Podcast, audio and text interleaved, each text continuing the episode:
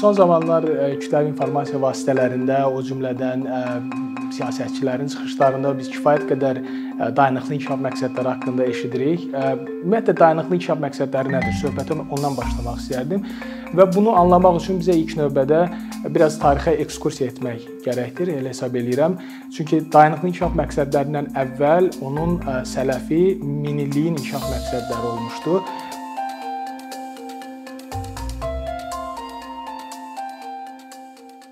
BMT-nin 2000-ci ildə keçirilən sammitində, minilliyin sammitində, demək dünyanın 191 ölkəsi səbəb eləməmişsə, o cümlədən beynəlxalq qurumlar, 20-dən çox beynəlxalq qurum demək minilliyin deklarasiyasını qəbul elədi və bu minilliyin deklarasiyasının tərkib hissəsində 8 hədəf qəbul edildi. Ölkələr demək qəbul elədilər ki, biz 2015-ci ilə qədər bu 8 hədəfə nail olmağa çalışacağıq. Demək bu minilliyin inkişaf hədəfləri çox baza prinsiplər, baza hədəfləri də deyək. Məsəl üçün birinci məqsəd ifrat yoxsulluğun aradan qaldırılması ilə bağlı idi. Tutaq ki, orada məqsəd var idi, ibtidai təhsilə qlobal şəkildə demək nail olunmaq. Bu tip baza məqsədlər 2015-ci ilə qədər nail olunmaq hədəf qoyuldu ölkələr qarşılarına. Və təbii ki, indi siz soruşa bilərsiniz ki, proqres necə oldu? 2015-ci ilə qədər bu ölkələr buna nail oldu, yoxsa olmadı? Buna bir mənalı cavab vermək çox çətindir. Çünki bəzi ölkələr həqiqətən çox demək yüksək nəticələr əldə etdilər, bəzi ölkələr zəif nəticələr əldə etdilər, bəzi ölkələr müəyyən məqsədlər üzrə irəliləyiş əldə etdilər. Demək bu baxımdan məsəl üçün götürək ifrat yoxsulluğun aradan qaldırılması üçün Çin, Hindistan, Braziliya kimi ölkələr həddindən artıq yüksək nəticələrə nail oldular. Lakin qeyd etdiyim kimi bir çox məqsədlərə tam şəkildə nail olmaq mümkün olmadı və heç o gözlənilmirdi də. Həqiqətən çünki ambisiyalı məqsədlər idi. Ancaq buna baxmayaraq BMT qurumları artıq 2012-ci ildən etibarən başladılar düşünməyə ki, 2000-ci ildən başladıq. Okay, 2015-ci ilə qədər bizim bu hədəf var qarşımızda. 15-ci ildən sonra gündəlik inkişaf gündəliyində nə olmalıdır? Və bu dialoq 2012-ci ildə başladı. Vətəndaş cəmiyyəti nümayəndələri, özəl sektor nümayəndələri, dövlət nümayəndələri bir yerə toplandılar və 2015-dən sonra qarşıya nə məqsəd qoyaq tipli bir müzakirələr başladı işçi qrupları çərçivəsində. Beləliklə 15-ci ilin sentyabr ayında dünyanın 193 ölkəsi dayanıqlı inkişaf məqsədlərini demək 2016-cı ildən etibarən bir hədəf kimi qarşılarına qoydular. İnkişaf gündəliyi. Hətta bu 2015-ci ildə olan sammit demək 2030-cu il gündəliyi qəbul etdi ölkələr. Bu 17 inkişaf məqsədi onun tərkib hissəsi kimi demək qəbul edildi. Burada deadline, yəni son tarix 2030-cu il göstərilir və bir neçə cəhətə görə minilliyin inkişaf məqsədlərindən dayanıqlı inkişaf məqsədləri fərqlənir. Birincisi burada 17 hədəf var, 17 məqsəd var və bu 17 məqsəd hər biri əvvəlki minilliyin inkişaf məqsədlərindən daha ambisiyalı, onun üzərində qurulmuş, onun yaratdığı inkişaf üzərində qurulmuş hədəflərdir. Məsələn, nümunə kimi deyək, minilliyin inkişaf məqsədində ifrat yoxsulluğa son idi. Burada dayanıqlı inkişaf məqsədinin birinci məqsədi yoxsulluğa son. Başa düşdünüz? Burada yəni söhbət ondan gedir ki, artıq ə, cəmiyyət, bəşəriyyət dərk eləyir ki, biz bir daha daha bir ambisiyalı məqsədlərə çatmalıyıq. Minillik inkişaf məqsədlərində bizdə hədəf tutaq ki, ibtidai təhsilin universal olmağını etmək idisə, artıq bu dayanıqlı inkişaf məqsədlərində biz daha ə, təhsilin digər pillələri də nəzərdə tutulur. Yəni bu baxımdan həmçinin 17 məqsəd e, demək insanın ağlına gələ biləcək, insan həyatının iqtisadi, sosial və ətraf mühiti əhatə edən demək olar bütün sahələrini əhatə edir. E, burada o hər bir məqsəd üzrə hədəflər var və hər bir hədəfə gedən e, demək proqresi ölçmək üçün göstəricilər var, indikatorlar var. 193 ölkə qeyd elədiyim kimi, yəni bu demək 2030-cu il gündəliyinə qol çəkdi. O cümlədən Azərbaycan. Azərbaycan da hər 17 hədəfin hər birini, 17 məqsədin hər birini milliləşdirdi, prioritetləşdirdi və o 17 məqsəd daxilində də hədəfləri prioritetləşdirir. Səhv eləmirəmsə 88 hədəf prioritetləşdirilib Azərbaycan tərəfindən. Beləliklə, yəni bu ambisiyalı bir yola, inkişaf yoluna başladıq. İndi mən niyə buna ambisiyalı yol deyirəm? Çünki özünüz təsəvvür edin, məqsədlər həddindən artıq ambisiyalıdır. Sən dünyada olan yoxsulluğu tamamilə yox etmək. Dünyada nə qədər insan bu dəqiqə yoxsulluqda yaşayır? Azərbaycanda, Afrikada, Çində, Hindistanda bu, yəni o insanlara çatmaq baxımından, yəni birinci növbədə ambisiyalı hədəfdir. İkinci növbədə ona görə ambisiyalı hədəfdir ki, kifayət qədər maliyyə vəsaiti tələb eləyir. Və burada çox təəssüflər ki, söhbət milyardlardan getmir, trilyonlardan gedir. Yəni çox müxtəlif hesablamalar var. Məsəl üçün BMT-nin hesablamaları var, Dünya Bankının hesablamaları var və onların hesablamalarında illik trilyonlarla dollar investisiya tələb olunur ki, biz bu hədəflərə nail olaq. Ona görə də özünüz təsəvvür edə bilərsiniz ki, yəni artıq 5-ci ildir bu hədəflər qəbul olunandan 6-cı il başlayıb hətta. Buna baxmayaraq dünyanın ən qabaqcıl ölkələri, götürək elə bu sahədə həmişə qabaqda olan Skandinaviya ölkələrinin belə kifayət qədər problemləri var bu hədəflərə çatmaq üçün. SDG indeks deyilən bir indeks var, dayanıqlı inkişaf məqsədlərinə proqresi ölçən indeks. Orda məsələn qabaqda olan ölkələr həmişə e, adətən Skandinaviya ölkələri olur və siz o göstəricilərin, onların göstəricilərinə baxsaz, e, bir çox e, məqsədlər üzrə, hədəflər üzrə kifayət qədər onların da geri qaldığını görmək mümkündür. Bu baxımdan, yəni bu ambisiyalı məqsədlərə çatmaq üçün kifayət qədər ətrafdan özəl sektordan, dövlət sektorundan, beynəlxalq təşkilatlardan külli miqdarda vəsait tələb olunur. Bax belə, mən başqa bir məqama da toxunmaq istəyirdim. Dayanıqlı inkişaf məqsədlərinin bayaqları qeyd etməyi unutdum. Əsas fərqləndirən cəhətlərindən biri də odur ki, o heç kəsi kənarda qoymamaq prinsipi üzərində formalaşır. Buna ingiliscə leave no one behind deyirlər. LNOB hətta bəzən abbreviaturadan da istifadə olunur. Belə o qədər populyar bir mövzudur. Burada əsas məqsəd odur ki, yəni bu bu təməl prinsipin mənası odur ki, heç bir şəxs kənarda qalmamalıdır. Nə qədər e, belə deyək, əgər bir vətəndaş belə tutaq ki, yoxsulluqdan e, yaxa qutara bilməyibsə, e, onda o deməkdir ki, biz bu məqsədə nail ola bilməmişik. O baxımdan bu prinsip dövlətləri demək dövlətləri məcbur edir ki, ilk növbədə əhalinin ən həssas təbəqəsinin ehtiyacları qarşılansın. Həssas təbəqələr təbii ki, ölkələrdən ölkələrə fərqlənir. Elə bir ölkə məsələn bəzi ölkələrdə gənclər həssas təbəqə ola bilər, bəzi ölkələrdə miqrantlar həssas təbəqə ola bilər. Ancaq ümumi qəbul olunmuş həssaslıq prinsiplərinə əsasən yaşlılar, qadınlar, müəyyən əqli və yaxud da fiziki qüsurlu insanlar, gənclər, bu qrup insanlar həmişə həssas təbəqə sayılır. Qeyri-formal məşğulluqda olan insanları məsələn nümunə göstərmək olar. Xüsusən də bu COVID-19 vaxtı biz gördük ki, kifayət qədər insan qeyri-formal məşğulluqdadır və həmin insanlar məhz bu qeyri-formallığın ucbatından heç bir dövlət köməyinə ehtiyac dövlət köməyindən ala bilmədilər. Bu tip məsələlər demək bizim kontekstdə məsələn həssas qrupa aid edilə bilər bu insanlar. Mən COVID-dən bəhs elədim. COVID-dən elə bir bu növbəti hissəyə bir giriş kimi istifadə eləmək istəyirdim bunu. Bildiyiniz kimi keçən ildən etibarən, 2020-ci ildən etibarən COVID pandemiyası insan fəaliyyətinin bütün sahələrinə çox böyük bir zərər vurdu və bu baxımdan dayanıqlı inkişaf məqsədlərinə olan proqresə vurulan zərbəni yəni hesablamaq mümkün deyil. Belə özünüz təsəvvür eləyin, 2016-cı ildən bu yana milyonlarla, bəlkə 10 milyonlarla insan yoxsulluqdan çıxarılmışdı, aclıq, səfalətdən çıxarılmışdı, təhsildə inkişaf var idi. Bəli, biz kifayət qədər geri qalırdıq yenə də belə deyək, plandan, lakin buna baxmayaraq çox böyük irəliləyişlər var idi.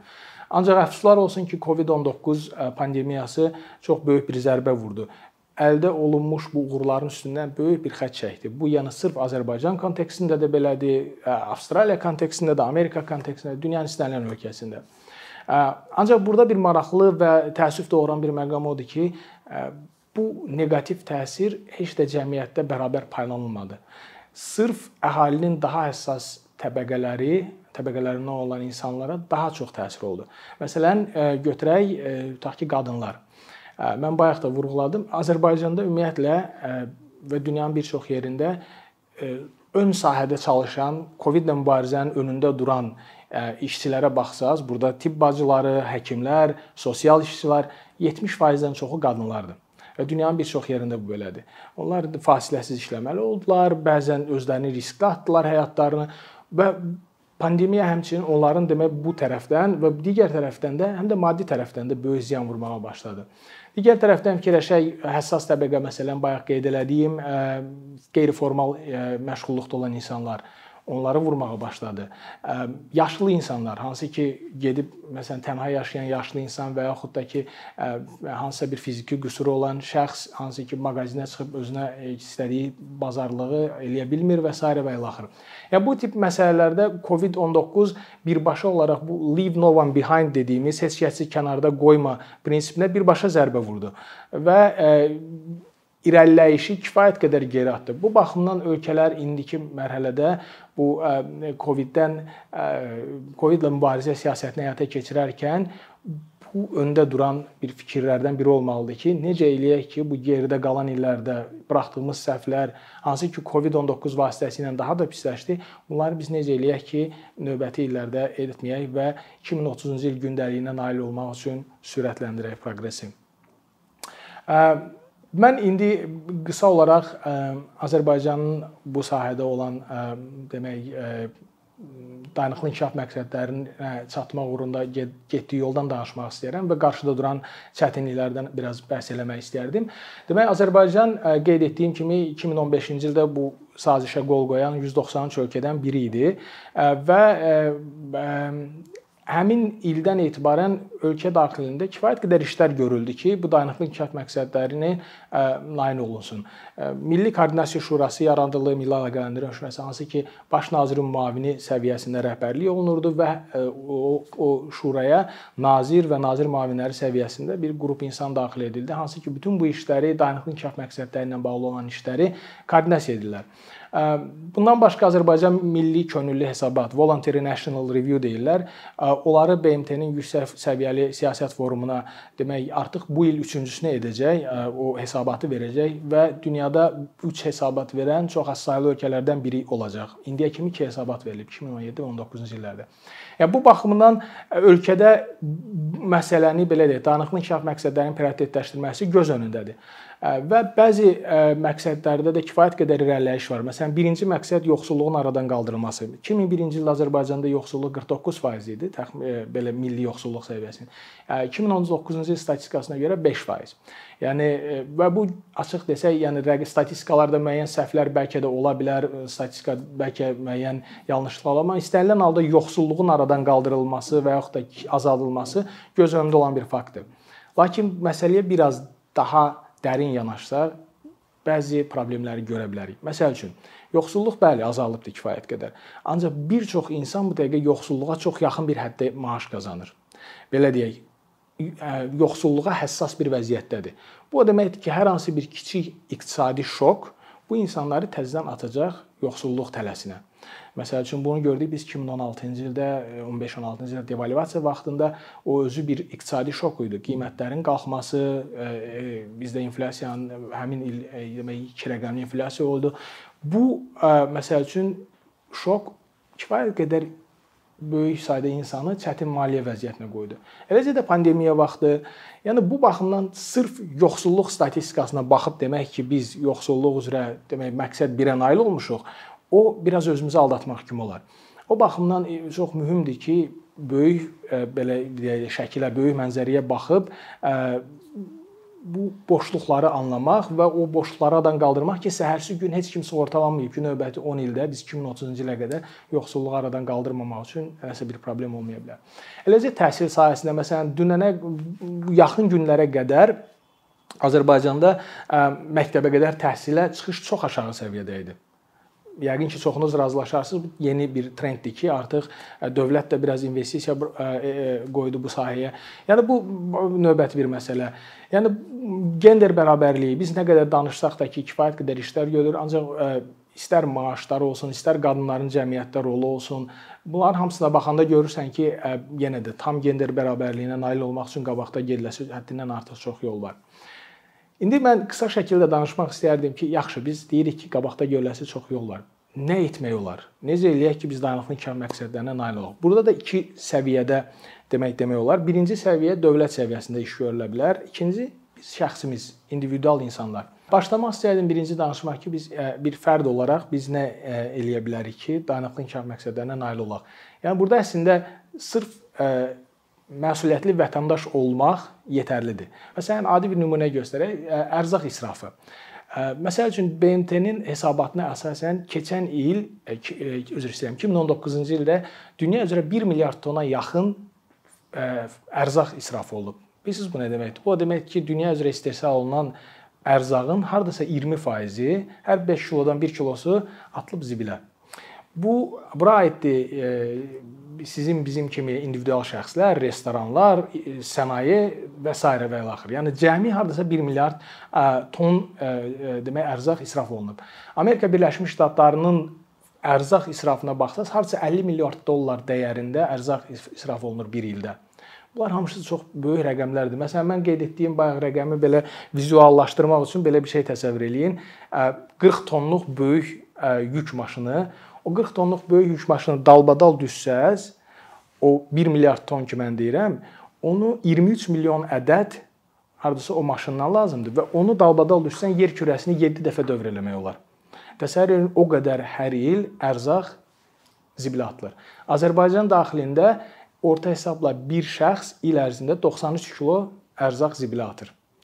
Yəni biz qidamızı düzgün aparsaq, biz düzgün planlaşdırma etsək, Bunun özü dayanıqlı inkişaf məqsədi 2 aclığa son. Dünyada nə qədər insan ac yatır, biz ona qənaət etmiş olarıq.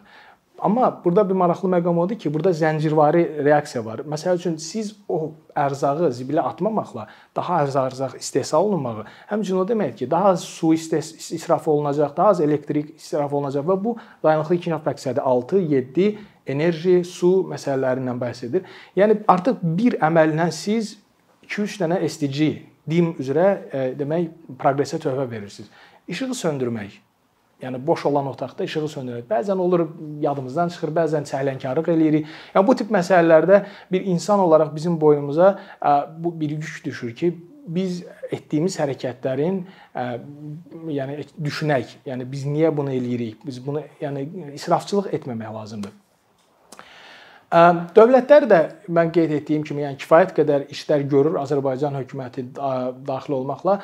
Lakin bəzi məsələləri mən Azərbaycan kontekstində qeyd etmək istəyərdim ki, yəni çox yaxşı olardı ki, bu tip məsələlərə fikir verilsin. Məsələn, dünyanın bəzi ölkələrində bu SDG-lər üzrə qabaqcıl e, təcrübələrində belə bir şey var ki, e, SDG budgeting deyirlər. Yəni bu dayanıqlı inkişaf dövlət büdcəsindən ayrılan hər hansı bir vəsait, tutaq ki, yol tikintisi olsun və yaxud olsun məktəb tikintisi, xəstəxana tikintisi, o dayanıqlı inkişaf məqsədlərinə necə təsir eləyəcək? Onun demək kəmiyyət şəkildə büdcələşdirilə, büdcədə qoyulur və artıq beləliklə dövlət büdcəsinin dimlərə necə təsir etdiyi birbaşa görünür və həmçinin bu dövlətin ayırdığı prioriteti, yəni göstərir ki, biz bu məsələyə necə belə prioritet şəkildə yanaşırıq dayanıqlı inkişaf məqsədlərinə. Başqa bir nümunə göstərmək istəyirəm əks mərkəzləşmə və mərkəzləşmə. Bakıda, Azərbaycanda özünüz bilirsiniz ki, istər iqtisadi, istər sosial, həyatın demək olar böyük əksəriyyəti Bakıda cəmləşib. Regionlarda həm iş yerləri baxımından, həm təhsil müəssisələri baxımından, həm sosial həyat baxımından kifayət qədər yəni fərq var Bakı ilə arasında. Və dayanıqlı inkişaf məqsədi 10 inequalities bərabər qeyri-bərabərlikləri aradan qaldırılması ilə bağlıdır. Burada həm regionlardan söhbət gedir, həm zümrələr arası qeyri-bərabərlikdən söhbət gedir. Və biz e, indi özünüz təsəvvür eləyin, hökumət bəzi e, belə deyək, addımlar atmaqla tutaq ki, universitetlərin bəzilərini kənara köçürməklə Zaqatalaya, Qəbəliyə, daha yaxın olan Şamaxı, İsmayıllıya köçürməklə artıq təsəvvür edirsiniz nə qədər insanın Bakıdan çölə çıxartmağa, Bakının həm belə deyək, mərkəzində boşluq yaratmağa, həmçinin regionların inkişafına töhfə vermiş olar. Məsələn, bu bir adi bir nümunədir və mən əminəm ki, e, mən bu, məsələni çox e, müzakirələr eləmişəm. E, bir çox tələbə, istər müəllim olsun, böyük məmnuniyyətlə gedib Qəbələdə kampusda yaşayar. Mənim özüm tələbə olsaydım, böyük məmnuniyyətlə gedib orada yaşayardım və özünüz fikirləşin, bu regionun inkişafı üçün nə qədər şeylər gətirərdi. Yeni iş yerləri, kampuslar, restoranlar, kafelər, Bunlar hamısı nəqliyyat, o regionlar arası nəqliyyat və s. və ilaxır. Yəni bu bir addım atmaqla yenə də bax dim 10 dedim, qeyri-bərabərlik. Lakin iş yerləri, e, aclıq, yoxsulluq bu tip şeylərin hamısına demək olar digər dimlərə də birbaşa təsir edən addım ola bilər. Və yaxud Bakının mərkəzini e, tutaq ki, avtomobillərdən azad etmək böyük parkinqlər tikmək və şəhərin kənarından gələnlər parkinqdə maşınını saxlayıb oradan o tərəfə hansısa elektromobillərdən və yaxud velosipeddən istifadə edərək getmək. Velosiped yollarının tikilməsi, bunlar hamısı yenə deyirəm, bəziləri asan, bəziləri çətin, bəziləri ucuz, bəziləri baha başa gələn addımlardır. Ancaq bunların hər biri əgər dayanıqlı inkişaf məqsədləri siyasətin mərkəzində durursa, bunların hər biri görülə bilər və görülə, görüləcək addımlardır. Yəni və bayaq qeyd elədiyim kimi biz öz şəxsimiz individual olaraq biz bunu öz zehnimizə yerləşdirə bilsək, əslində çox da çətin bir şey deyil. Sadəcə belə deyək, məsuliyyətli vətəndaş olmaq gərəkdir. Əkinçinin yeni videoları haqqında məlumatlı olmaq üçün kanalımıza abunə olmağı və xəbərdarlıq funksiyasını aktivləşdirməyi unutmayın.